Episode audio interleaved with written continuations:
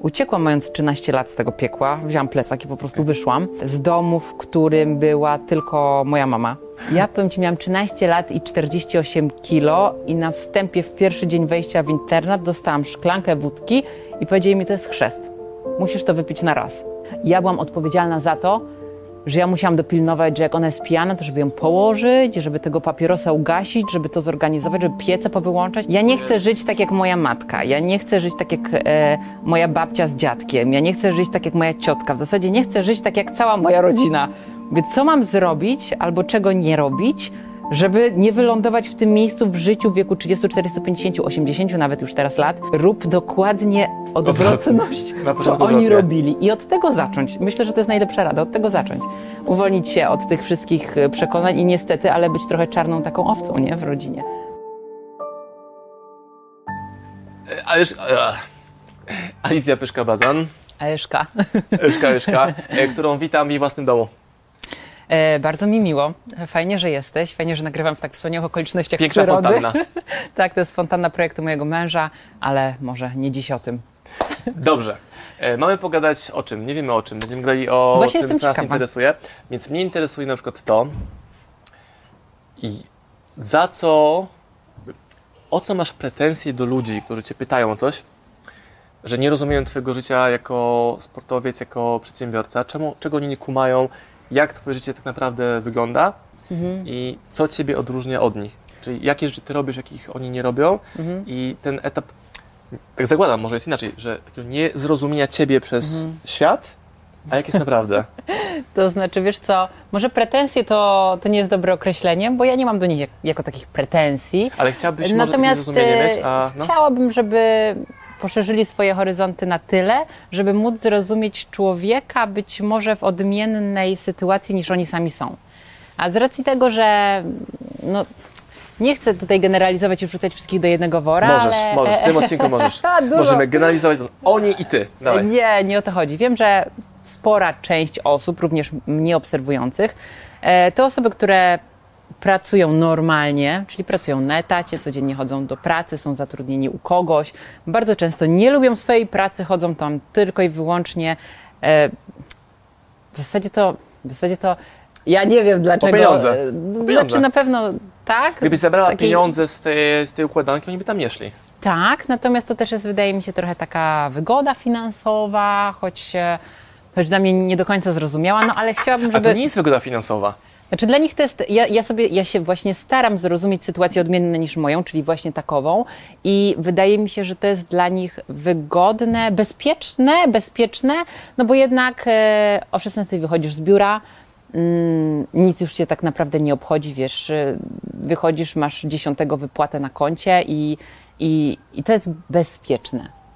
To jest wygodne. To jest wygodne, to jest bezpieczne i, i, właśnie, i, i właśnie dlatego chciałabym, żeby takie osoby potrafiły też zrozumieć, że można żyć w inny sposób, zarabiać w inny sposób, e, nie męczyć się, realizować się. A co jeśli oni tego w życiu nigdy nie będą w stanie zrozumieć? Że Ja bym właśnie chciała, żeby nie tylko to zrozumieli, ale żeby kiedykolwiek mogli tego doświadczyć. Ale to jest o to, super żeby- sprawa.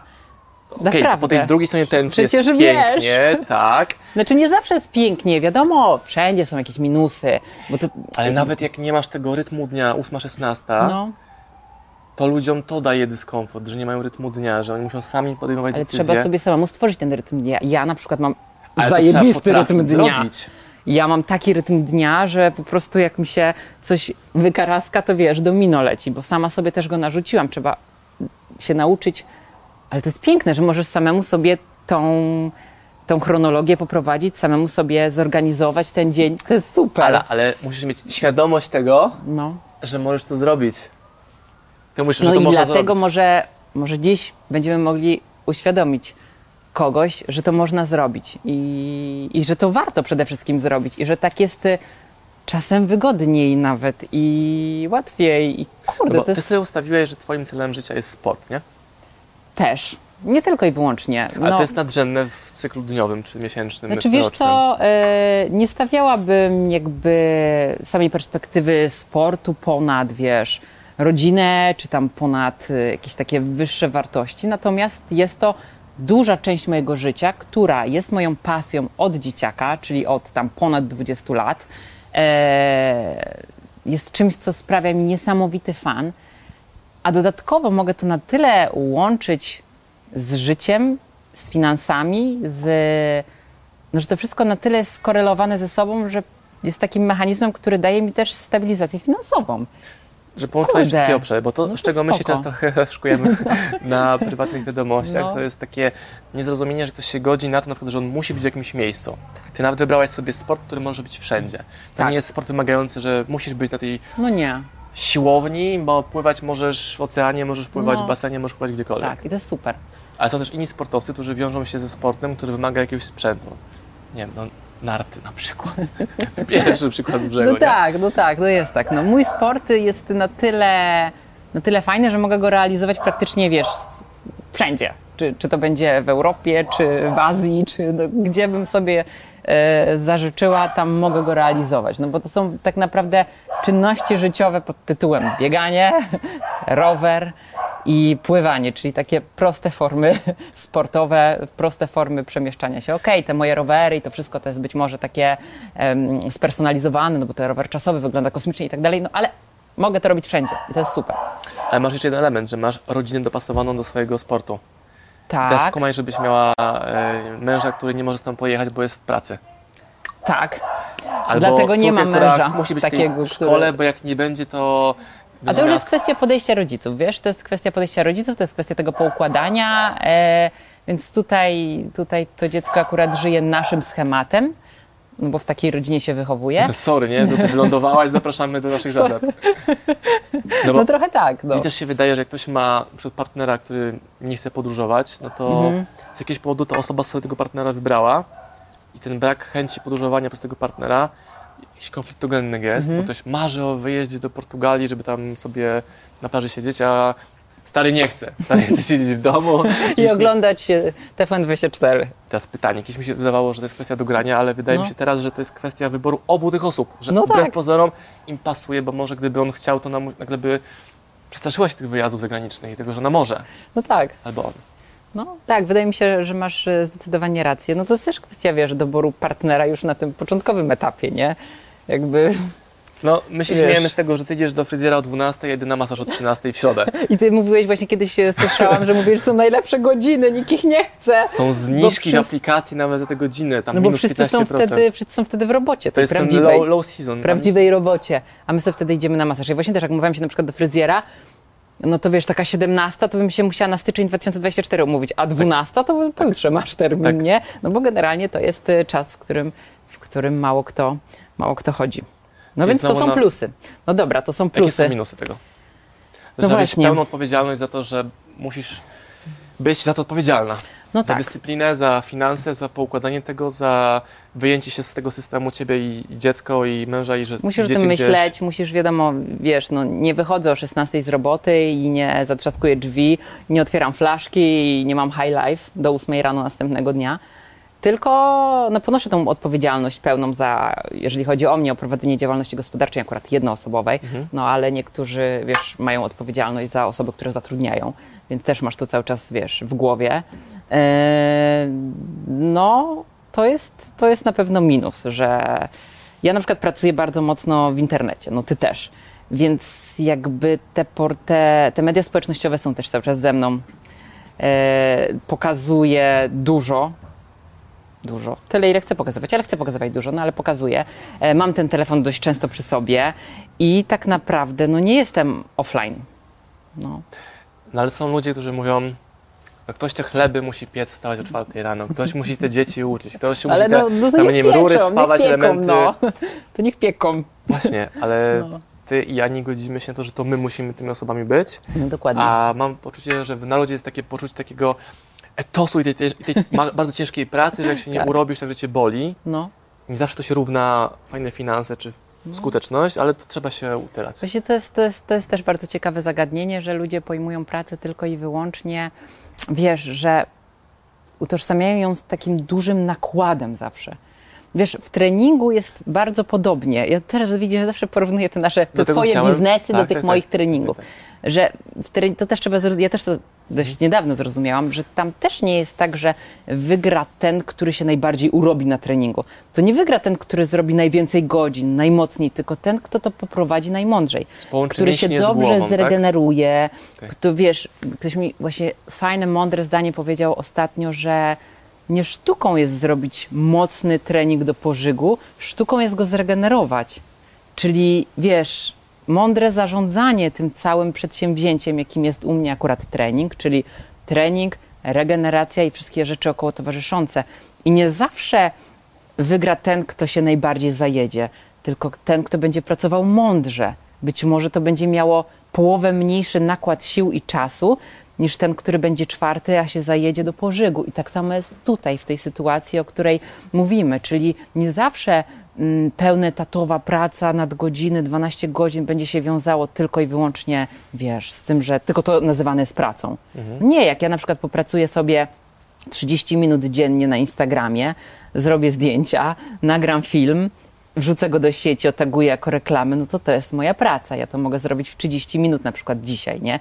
Innego dnia może mi to zająć godzinę, innego dnia będę miała co innego jeszcze do, do przetworzenia w tych mediach, no ale generalnie no to nie jest bardzo ciężkie zadanie, tak?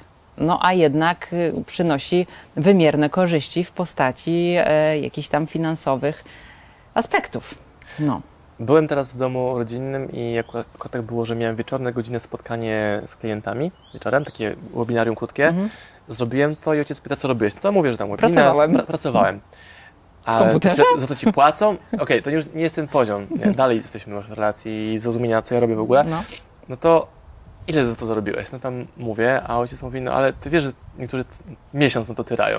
Mówię, Tak. Ich I wybór, ty masz być teraz w poczuciu winy. ich wybór. Ty musisz być w poczuciu winy, że ktoś na to pracuje miesiąc, a ty na przykład pół godziny. Albo zarabiam No. więcej niż, nie wiem, pielęgniarka na przykład. No, To robi bardziej istotne dla świata rzeczy, tak. bo ratuje życie. No. Ale znowu, to jest jej wybór i może za, za to mi się teraz na tym wideo dostanie, ale no... Tak, dostanie się na pewno. Teraz pogadamy, pogadamy, to ci chatę sprząta. I to są wybory ludzi, ale znowu ludzie nie mają świadomości, że mogą żyć inaczej. Więc teraz pytanie, skąd u Ciebie się wzięła świadomość, że Ty możesz żyć inaczej, że możesz działać inaczej. Może być, jesteś in- nawet innym typem sportowca, Mhm. który połączył i sport, i biznes internetowy i to Ci Tak. gra. Tak. A są skuteczni, ale biedni na przykład. No, to Bywają takie prawda. przypadki. E, Wiesz co, wydaje mi się, że to wszystko w ogóle wzięło się z tego, że ja dość szybko dojrzałam, e, bardzo szybko zostałam wrzucona na głęboką wodę. Mając 13 lat wyprowadziłam się z domu, do dom to jest naprawdę określenie takiej wysokiej wartości. Myślę, że ona mi tutaj nie, nie do końca e, pasuje. Ale wyprowadziłam się e, i mieszkałam już od tego 13 roku życia w zasadzie sama.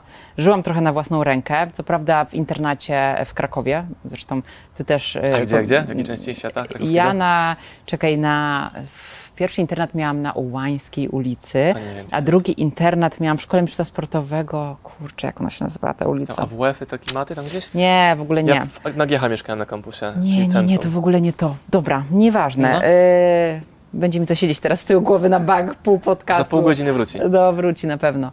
E, no, ale tam byłam już od 13 roku życia i wydaje mi się, że to, że tak szybko musiałam stać się no, samodzielna, no bo jednak wiesz, 13-letnia dziewczyna e, wrzucona w nowe życie, w nowe duże miasto, bo ja A mieszkałam... skąd miałeś kasę?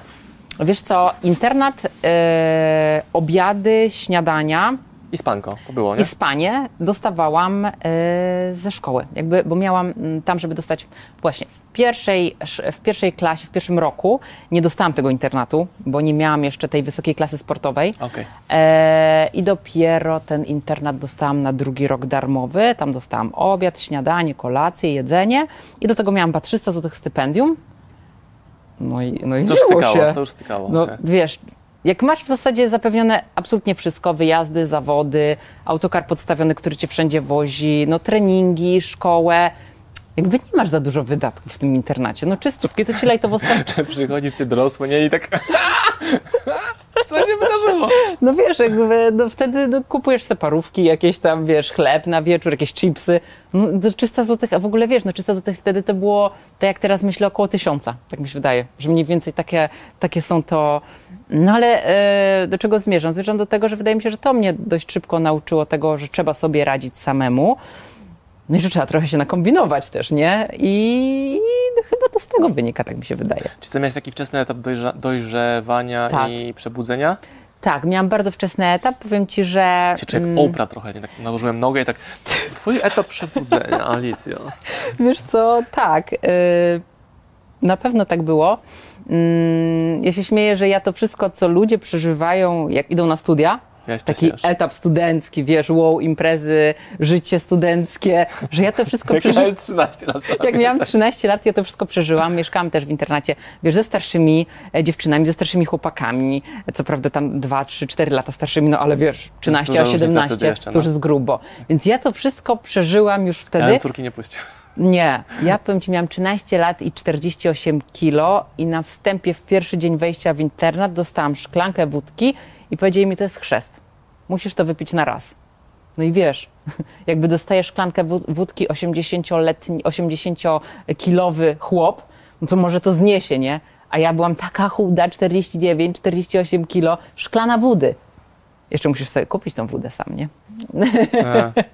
No i co? No i od tego się zaczęło, taka szkoła życia. Ostatnio takie zdanie sobie przepracowuję, doświadczam, rozmyślałem o tym, że wiele osób chce, ale nie może. Tak wewnętrznie nie może. Że ma jakieś takie hamulce, e, kotwicę, taką wiesz, kulę przy nodze i oni nie mogą. Oni bardzo chcą, ale nie mogą. I to No. wynika z jakichś wewnętrznych przekonań, programów, jakiejś przyszłości, nie wiadomo czego. Pewnie z wgranego też, wiesz, rodzice wgrywają dużo takich płyt. Jak się z tego wyrwać? Jak ktoś chce, a nie może. Jakie można Wiesz to patenty? co, no właśnie, kurde, no trzeba się odciąć, nie? Dobra, no to skąd wziąć nożyczki, jak nie ma ich pod ręką? No trzeba się, wiesz, Te trzeba się... metaforyczne nożyczki, nie? Co jest narzędziem twojego przeramowania Odwaga. sobie? O Jezus, ale co to Wydaje mi się, znaczy? że Daj mi jakieś, że- wiesz, konkret narzędzie, żeby ktoś, kto słucha, mógł sobie to wdrożyć. Musisz sobie zadać pytanie, czy chcesz żyć tak jak ktoś, kogo naśladujesz. Odpowiedź brzmi Wiesz, nie, ale dalej Ja czuję, nie chcę żyć tak jak moja matka. Ja nie chcę żyć tak jak e, moja babcia z dziadkiem. Ja nie chcę żyć tak jak moja ciotka. W zasadzie nie chcę żyć tak jak cała moja rodzina. Więc co mam zrobić albo czego nie robić, żeby nie wylądować w tym miejscu w życiu w wieku 30, 40, 50, 80 nawet już teraz lat? Rób dokładnie odwrotność, co oni robili. I od tego zacząć. Myślę, że to jest najlepsza rada. Od tego zacząć. Uwolnić się od tych wszystkich e, przekonań i niestety, ale być trochę czarną taką owcą, nie? W rodzinie. Prawdopodobnie będzie się to musiało wiązać z tym, że te kontakty się trochę albo popsują, albo zerwą, no ale tutaj stawką jest swoje życie.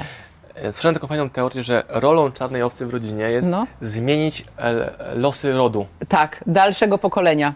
Kolejnego tak, że jak kolejnego. przejdziesz przez tą fazę tej takiej, wiesz, inicjacji, że z każdej z tej strony ktoś mówi, że to jesteś Tak. zł- złym, w złym kolorze Tak. tego stada, ale jak już to zrobisz, To już pójdzie dalej. odmieniasz losy historii. I wydaje mi się, że tak będzie. Odblokowujesz tam kolejne pokolenia. Powiem ci, że jak na przykład patrzę na taką moją Sarę, No. no to kurde, wydaje mi się, że ona podbije świat, nie? Mam tak samo z moją córką. że no nie, że jestem jakaś jeżni, że to jest moja córka, i wo- tylko kurde, no patrzę na laskę i ona, wiesz, wychodzi na mecz, e, wiesz, obserwuje też inne dzieci, bo Sara gra w tenisa, Mhm.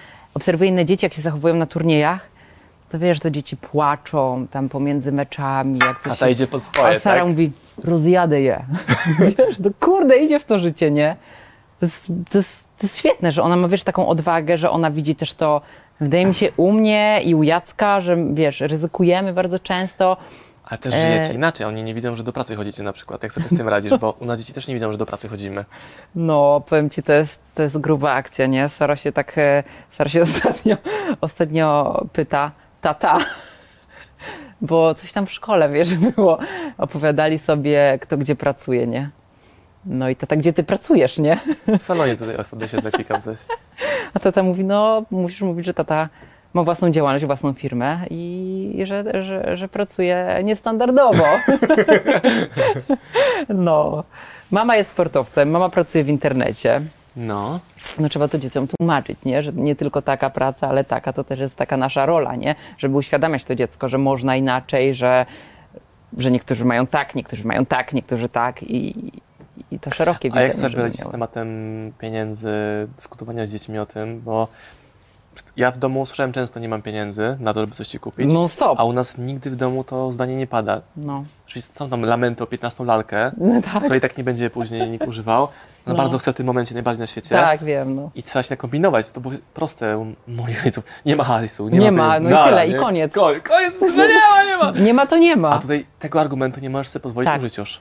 E, tak, ale mimo wszystko staramy się, my staramy się uczyć Sarę takiej e, zarządzania pieniędzmi. Ona ma skarbonkę jedną, skarbonkę ma drugą, ma też konto założone, wiesz, ma już taką świadomość w miarę co ile kosztuje, e, też ją tego uczymy, też jej tego pokazujemy, wiesz, jakby... No, wydaje mi się, że musimy uświadamiać te dzieci już od najmłodszych lat, że nie możemy mówić, wiesz, nie to nie, bo nie. Nie możesz, bo nie ma, nie? Tylko fajnie by było, Sara, gdybyś pomyślała o tym, że to kosztuje tyle, to kosztuje tyle, czy nie lepiej byłoby na przykład uzbierać jeszcze trochę i na przykład, wiesz, kupić sobie ten, ten komputer za miesiąc, nie? A nie teraz jakieś takie pośrednie, wiesz. Mhm. No. Bo też mówiłeś, że nie znam twojej historii rodzinnej. Mhm. Nie wiem, co tam się działo, ale to jest etap uciekania od czegoś, nie? Ale teraz czy wtedy? Wtedy, wtedy, wtedy, wtedy. wtedy.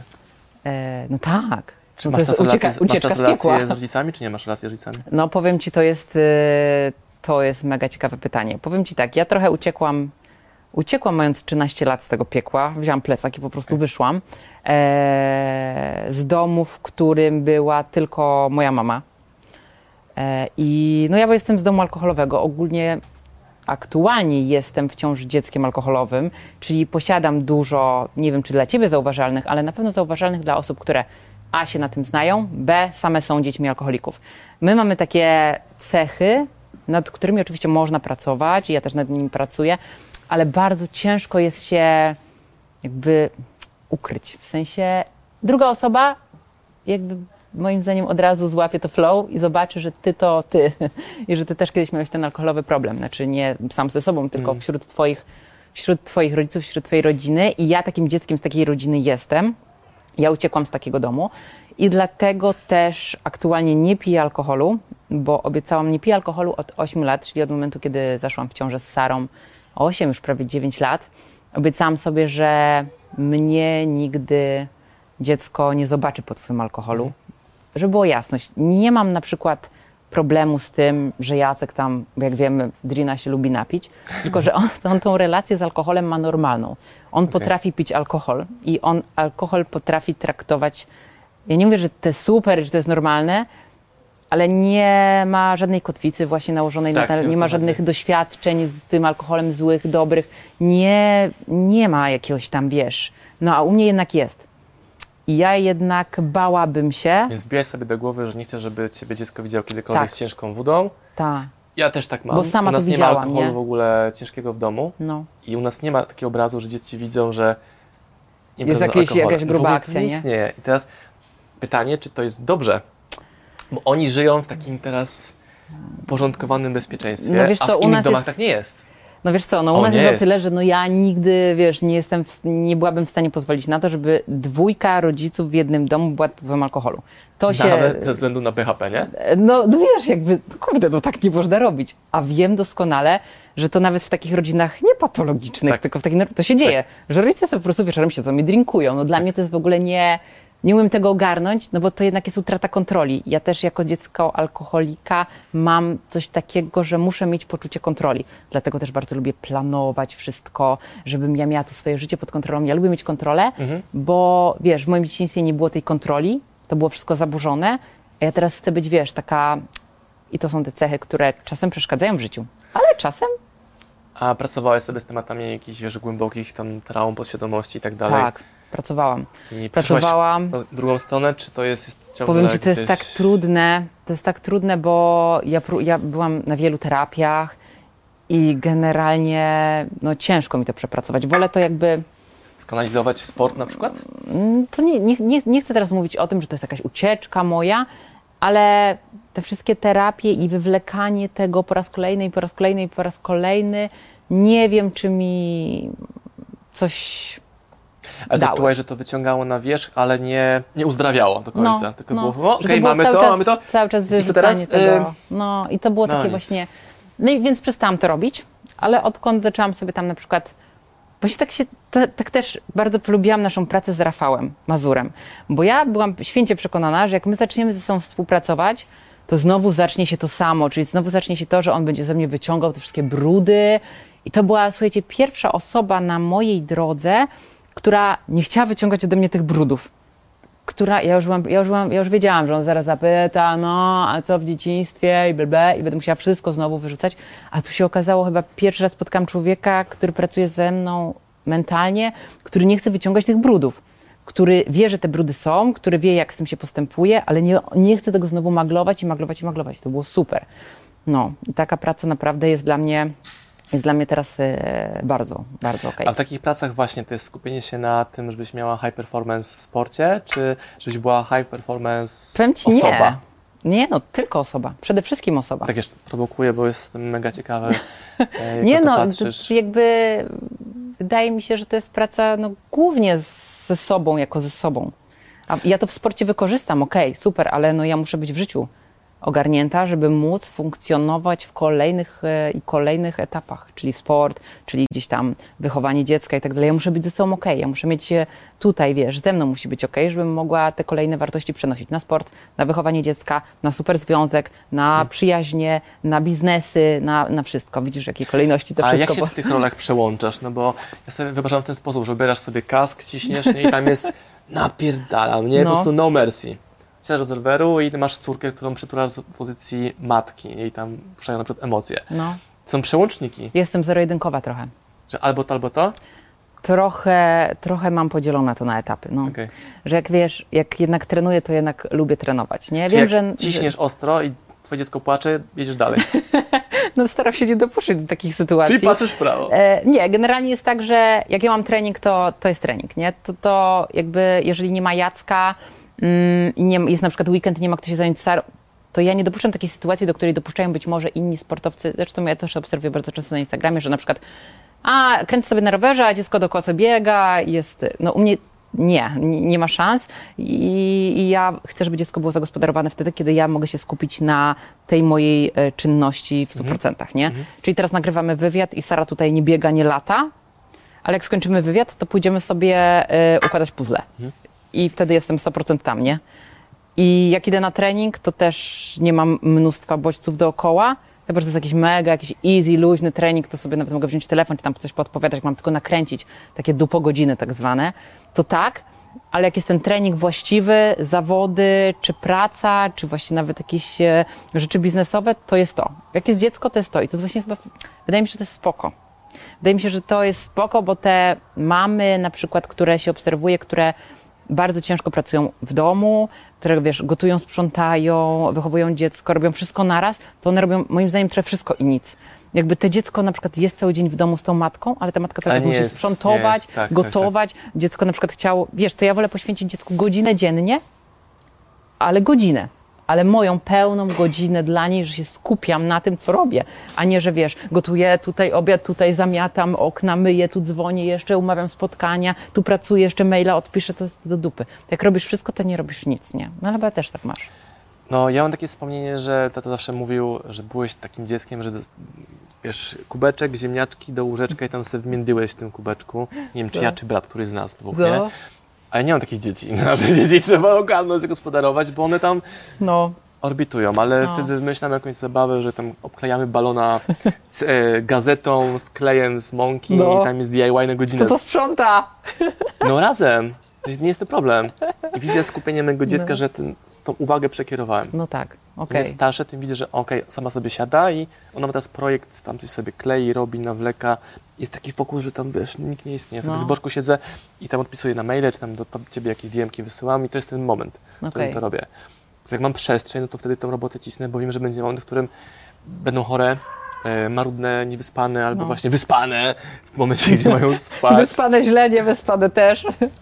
Moje dzieci czują, że ja wyjeżdżam rano, jak na przykład dzisiaj, No. one wtedy nie śpią spokojnie. Nie wiem, czy to jest moja reakcja, czy ich reakcja, czy nasza reakcja.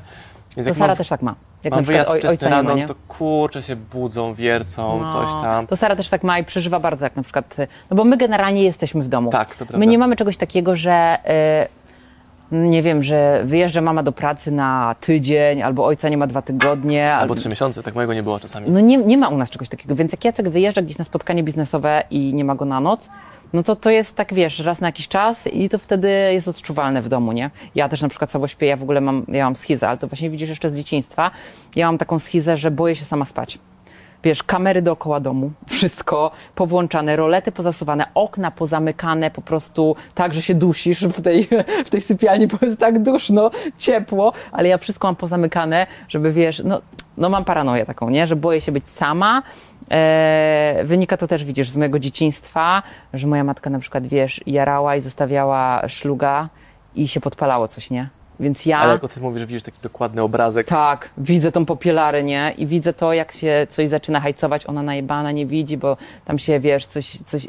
Ja byłam odpowiedzialna za to, że ja musiałam dopilnować, że jak ona jest pijana, to żeby ją położyć, żeby tego papierosa ugasić, żeby to zorganizować, żeby piece powyłączać i ja na przykład, widzisz, mam to do teraz. I dalej z tym walczę, że leżę już w łóżku, Sara już zasnęła, leżymy, Jacka nie ma.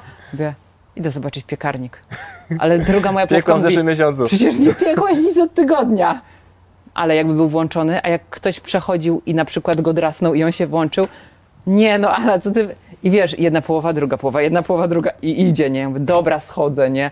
Patrzę na zegar, mówię, kuzia, w pół do jedenastej, wiesz, to już jest moja pora, bo ja chodzę wcześniej. Mówię, dobra, idę. Oczywiście patrzę, wracam, mówię, kurde, czy ja na pewno to wyłączyłam. Dobra, zrobię zdjęcie. Zrobię zdjęcie piekarnika. Później mówię, dobra, w łóżku najwyżej odpalę, zobaczę, że to zdjęcie jest i że...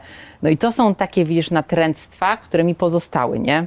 E, zamykanie sześć razy, szarpanie drzwi, czy na pewno zamknęłam, nie? Takie rzeczy, no to jest, to jest to, nad czym muszę pracować i tego trochę nie umiem się wyzbyć, ale widzisz, to wynika z jakichś takich właśnie dziecinnych traum, które równocześnie bym nie chciała, żeby moje dziecko miało w swoim życiu, nie? I czasem się boję, że staram się ukrywać przed nią na przykład te rzeczy, które ja robię, te czepanie drzwiami, żeby ona takich traum nie nabyła, Mm. nie? To jest ciężkie na maksa. A uważasz, że jak ktoś ma takie, wiesz, happy life, dzieciństwo i tak dalej, Mhm. to jest mu łatwiej później, czy trudniej? Nie, no mi się No wydaje, że ty mówisz o trudniej. jakichś hardkorach, jak też hardkory miałem. No. E, u ciebie nie było hajsu, u mnie też nie było za wiele hajsu. No, nie było. Choć wydawało się wszystkim u mnie, jak byłem dzieckiem, że ten hajs mieliśmy w ilościach hurtowych, bo Dlaczego? nie wiem, bo jechałem na każdą wycieczkę, a ja na przykład A. miałem, pamiętam, miałem Ja bluzę- byłam jedynym dzieckiem, które nie pojechało na zieloną szkołę. Do dzisiaj to pamiętam. I zostałam przypisana do innej klasy jako jedyna. Rozumiesz? Tak. Kurwa, straszne. Moje dziecko jeździ teraz na wszystkie. No, moje też jeździ na wszystko. Na przykład dziwię się, że No. są jakieś trzy, trójka dzieci, które nie poszły do sali obok na balet, bo 60 zł, nie? No, no ja wiem. się broń znaczy, z tego ja, nie śmieję, to doceniam. Ja też Nasze założenie jest takie, bardzo. dziecko idzie defaultowo na wszystko, nie żeby je wypchać, tylko żeby doświadczyło sobie Tak, żeby tu próbowało. balet, tu robotyka, No my tu też tak tam mieliśmy. judo, coś tam tego. Żebym chciałam, żeby Stara wybrała sobie sport docelowy, to zapisałam ją na wszystko. I nie dlatego, że chciałam, żeby robiła wszystko, tylko mówię, idź tu, idź tu, idź tu, zobacz, nie? Tak. Była na balecie, no, A no jak ją znowu- kocham, tak nie. No nie. A Oliwka znowu poszła na balet, super, a No. nie chciała w ogóle robotyki, a judo nie, bo pan rzucał innym panem, nie? Więc ona nie chce. Bo jakiś demo zrobili dla dzieci, co można robić, i ona myślała, że ten pan rzuca panem. O ja. No, tak No dobra, pan. no ale wiesz, fajnie, że mogą wybierać. Ja na przykład nie mogłam wybierać. Ja w ogóle trafiłam, to jest też śmieszna historia, bo ja trafiłam do klasy pływackiej, do jednej z najlepszych w ogóle szkół sportowych wtedy w, na Śląsku chyba. Jedynej w Tychach, bo to była moja rejonówka, Mhm. ta sportowa. No i ja byłam zapisana do normalnej klasy, ale jakiś przypadek chciał, że wrzucili mnie do pływackiej. Nie wiem dlaczego tak było. No byłam na listach do pływackiej, no to trafiłam do pływackiej. A pływanie jest generalnie mega tanim sportem. I mega zajebistym dla takiego rodzica, który nie chce dziecka widzieć. Bo dziecko zaczyna rano o 6-7, 2-3 godziny treningu, prosto ze z tego basenu idzie do szkoły na 8 godzin i prosto z tych 8 godzin szkoły idzie na kolejne 2 godziny na basen. I tego dziecka nie ma cały dzień w domu. Ten basen jest w szkole, więc on jest darmowy. Nie trzeba tego dziecka wozić na zajęcia, nie trzeba za nie płacić. Dziecko się sportuje, nie ma go w domu, jest zajebiście. Z punktu widzenia na przykład rodzica, który ma wyjebkę i nie chce tego e, dziecka mieć, to jest super. No i ja akurat byłam w takiej perspektywie, ja tak właśnie funkcjonowałam. Ja się teraz cieszę z tego, no bo mam super e, background taki sportowy. To pływanie dało mi fizycznie ekstremalnie dużo, psychicznie. Nauczyło mnie, wiesz, wielu życiowych wartości. No kurde, no co ci będę gadać, nie? To jest zajebista sprawa. No też masz tak, że czujesz, że miałeś podstawy mm, nastawienia do działania wyniesione z, no już nie mówię, że z dzieciństwa, ale z tej młodości, dojrzewania i tak dalej. Teraz to po prostu przeskalowałaś, no bo ja, przed, ja czuję, że wychowałem się w trybie Przetrwania? Trzeba, sprze- trzeba sprzedawać, żeby były pieniądze. No tak.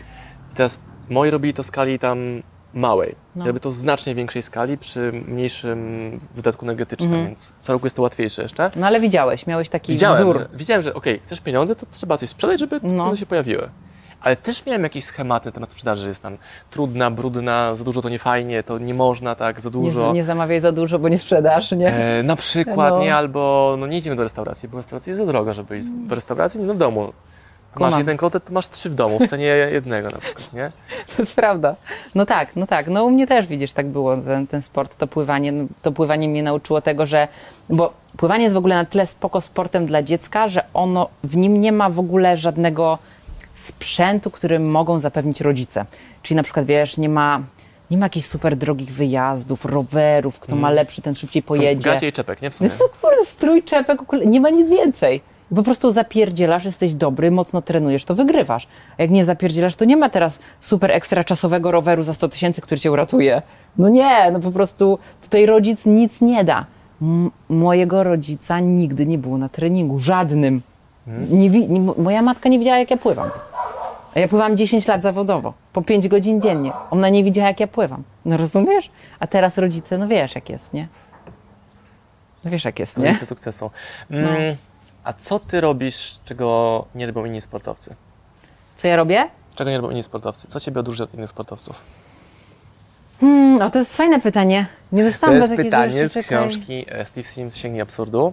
Jest cały rozdział o tym. Dałem Okej. ci ją tam właśnie. Tak, tak, książkę, No, którą no. ci dostałam? Tak, i on Dobra. sobie zrobił takie pytanie master, to właśnie to pytanie master jest, które zadaje super VIPom Mhm. na otwarcie rozmowy, żeby nie gadać o pierdołach, tylko takie pytanie wyszło mu, jest super ciekawe, czyli nie jak osiągnąć sukces, tylko co ty robisz innego, czego nie robią inni. Co ja robię innego? To powiem ci, to jest tak dobre, to jest tak dobre pytanie. Eee, czego nie robią inni? Wiesz co, na pewno jest trochę tak, że ja się nie boję sparzyć. Okej, Jakby potrafię pracować poza schematami. ale to dwie części nie boję się sparzyć, co to oznacza? Nie boję się sparzyć, czyli nie boję się zrobić coś totalnie metodycznie niewłaściwego, ale na przykład tego, co podpowiada mi głowa, intuicja, doświadczenie i tak dalej. nie no bo generalnie sportowcy bardzo dłuż- często, wiesz, pracują schematami, planami i tak dalej, a ja mam coś takiego, że potrafię zaryzykować czymś absurdalnym, czyli wiesz, wystartować e, w zawodach po ekstremalnie ciężkim tygodniu bez odpuszczenia spontanicznie, zaryzykować, zobaczyć jak będzie tutaj, albo zrobić coś totalnie niewłaściwego albo innego, spróbować. No ja, wydaje mi się, że nie mam takiego czegoś, że boję się upadku, boję się sparzenia, boję się, nie boję się tej porażki, nie? Jestem w stanie podjąć ryzyko i i bardzo często je podejmuję. No zobacz, jakby nawet mówiąc o moim ostatnim starcie, podwójny Ironman. Zrobienie podwójnego Ironmana po pół roku rozbratu z triatlonem, bo ja rzuciłam triatlon na kilka miesięcy, po złamaniu stopy jednej, po złamaniu stopy drugiej, to wszystko cały czas w przedziale półrocznym. Po ciężkich różnych doświadczeniach, bo miałam, no, ma, miałam tam dużo problemów, bez trenera y, i nie robiąc nigdy nawet pojedynczego Ironmana, czyli czegoś, od czego jakby się wychodzi, nie? Bo Gdzie podwójne, jak ty pojedynczego jeszcze nigdy nie zrobiłaś. I ja chciałam zaryzykować I, i nawet właśnie dużo specjalistów z dziedziny triatlonu byli bez sensu, nie zrobi, nie dokończy. Nawet powiem Ci, jaka była sytuacja śmieszna, że była trasa biegowa i były te namioty z y, różnymi teamami. I był jeden team polski.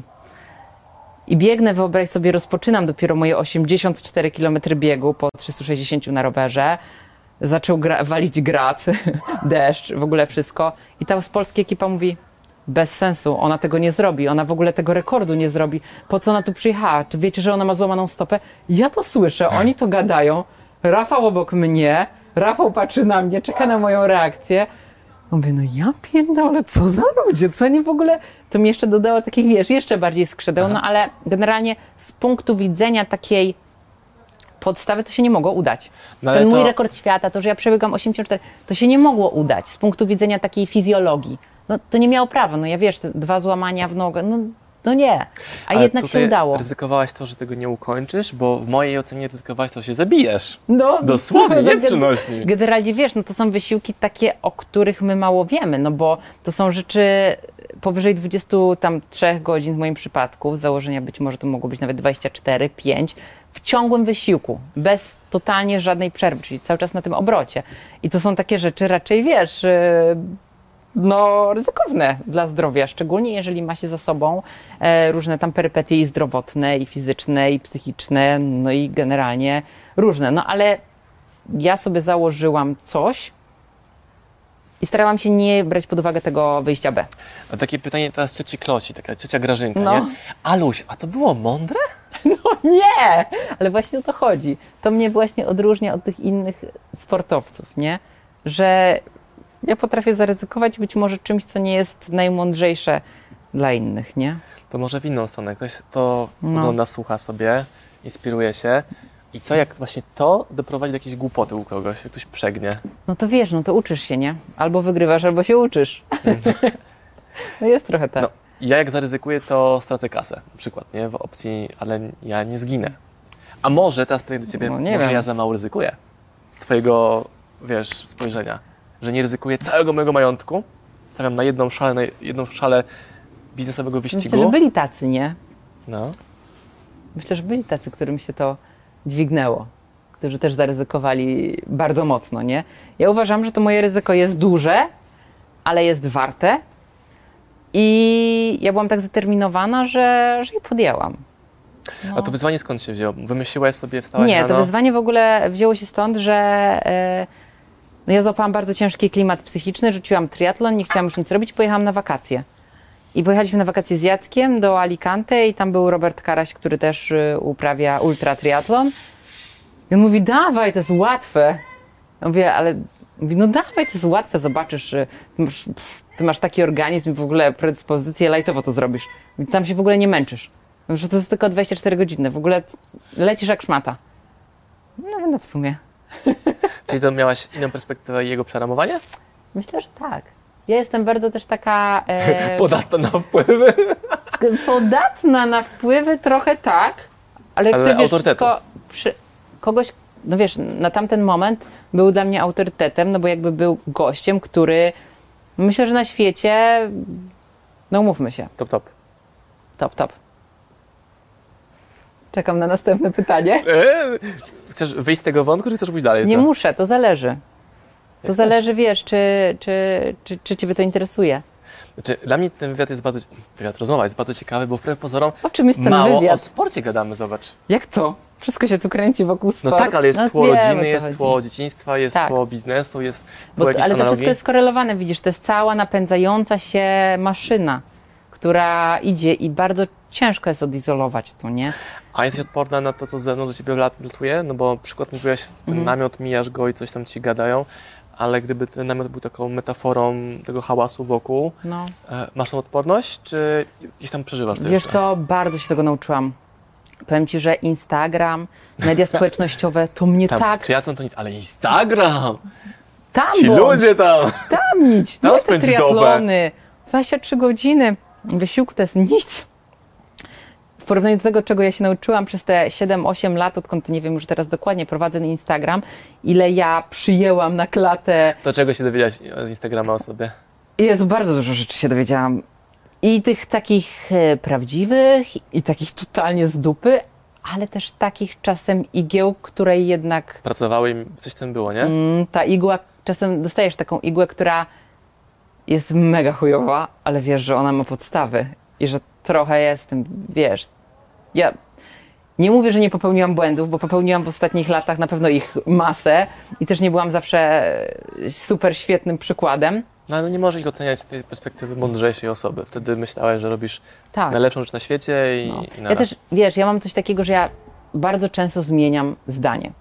Ja uważam, że to jest dobra cecha, bo to świadczy tylko i wyłącznie o tym, że ja się rozwijasz. uczę, doświadczam, uczę na błędach, na porażkach. y, Zmieniam zdanie, bo wiesz, rok temu myślałam, że to jest najlepsza, teraz już wiem, bo przeczytałam to, to i to i to, Kurde, to nie było najlepsze, ale wtedy myślałam, że jest.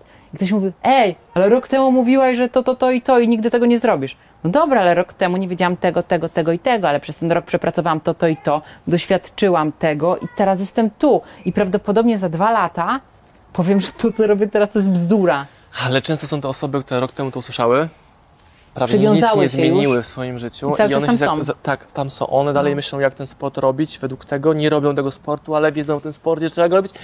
Inaczej, bo tak. tutaj Alicja mówiła rok temu, że trzeba No jest tak, no a właśnie ja podziwne zmieniam, i to jest mi najczęstszy, najczęściej zarzucaną właśnie taką uwagą, że mówiłaś tak, a robisz teraz to. No oczywiście, że tak i wydaje mi się, że cały czas to będę robić, że za rok wpadnę na jeszcze kolejny i kolejny i kolejny pomysł, być może teraz dla mnie nierealny, ale wtedy następnym razem spoko. Czego jeszcze mnie nauczyły te lata, czy w ogóle wydaje mi się, że ja trochę taką skorupę zbudowałam przez te lata, Pancerz że ochronny, tak, no, tak, że już tak. coraz na początku mnie to ekstremalnie dotykało, każdy taki komentarz. Naj, naj, najwięcej nauczyła mnie, e, wiesz, no, najwięcej generalnie człowiek się uczy na dużych takich rzeczach. Pamiętam pierwszy raz, jak wylądowaliśmy z Jacem na pudelku. I wtedy Jacek y, tam odnalazł swojego ojca y, po, po, po kilku latach i, i były tam komentarze typu zobaczcie jak wygląda synowa tego i tego, nie? I tam wiesz, jakieś moje zdjęcia, wiesz, z gołym tyłkiem. No miałam taki okres w swoim życiu, że ten goły tyłek tam na tych mediach społecznościowych był. No i generalnie wiesz, ta różnica wieku, że zobaczcie jakiś stary chłop z takim tu, z tą. No i generalnie duża burza internetowa, pudelek, duży portal. I ja oczywiście czytanie tych komentarzy, nie?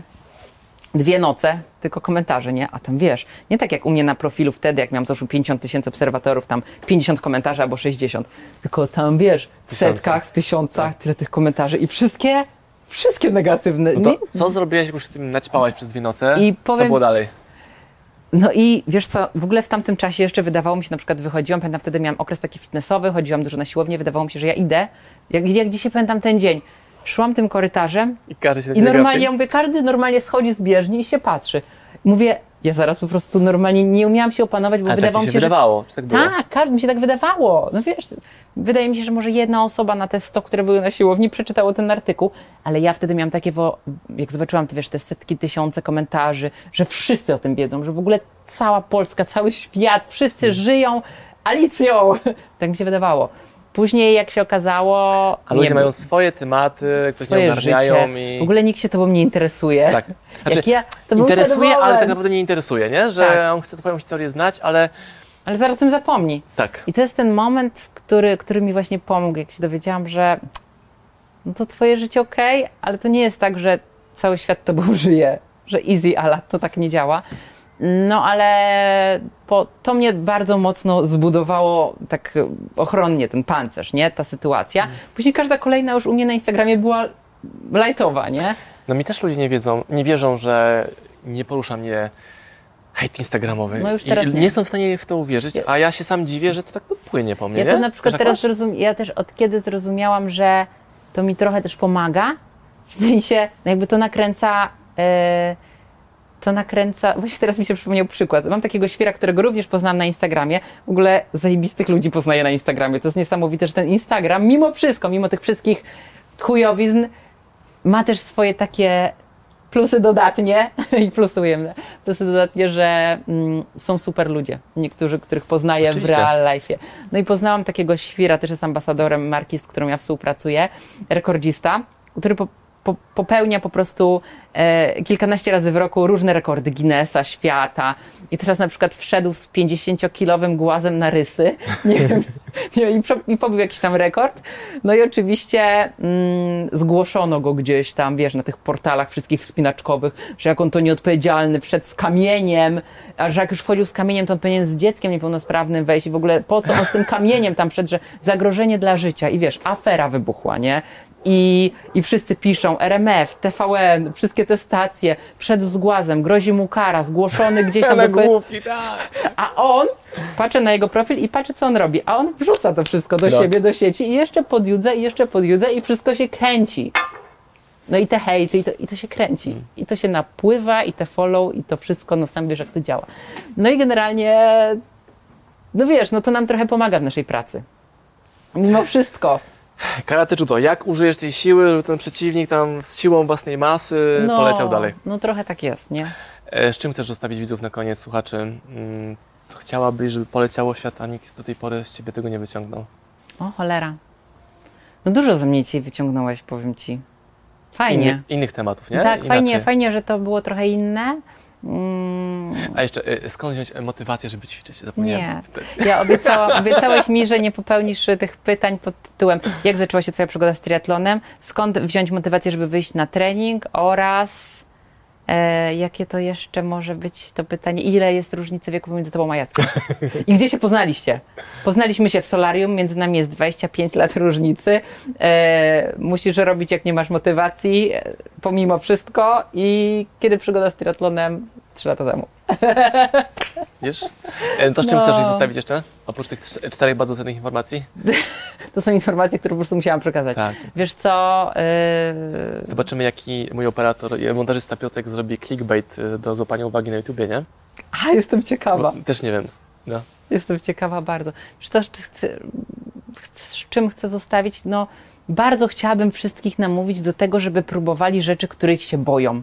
Bo to, tylko i wyłącznie to pozwoli wam wyjść level wyżej, nie? Żeby spróbować, zapytaj się siebie, czego się dzisiaj boisz, a co byś na przykład chciał i zrób to jak najszybciej, zanim zaczniesz to rozkminiać, nie? No. I czasami po takich filmach są komentarze na koniec, że obejrzałem całą rozmowę i na końcu powiedziała, że trzeba robić, nie? No to ja już wiedziałem, a ja chciałem dowiedzieć się, jak, Jak, to robić. robić? Jak to robić. No jak? No robić, no. Że ja Ci co. e, dziękuję nawet, nie wiem, za godzinną rozmowę, pewnie tak wyszło Jezu, nie wiem, naprawdę? E, na pewno. Że... Mi się wydaje, że my siedzimy tu 5 minut. Nie, nie. Do rąki się nawet, wiesz. Alicja, Alicja Pyszka Bazan w trochę innym wydaniu, także. Fajnie, bardzo dziękuję za tę rozmowę. Mam nadzieję, że będziecie mogli poznać kolejny kawałek mojej historii i mojego, naszego punktu, bo my jesteśmy bardzo często ze sobą tutaj e, spójni widzenia. No i fajnie, mam nadzieję do usłyszenia i do zobaczenia. I followujcie, zostawiajcie łapki. Dzięki, pa! Pa!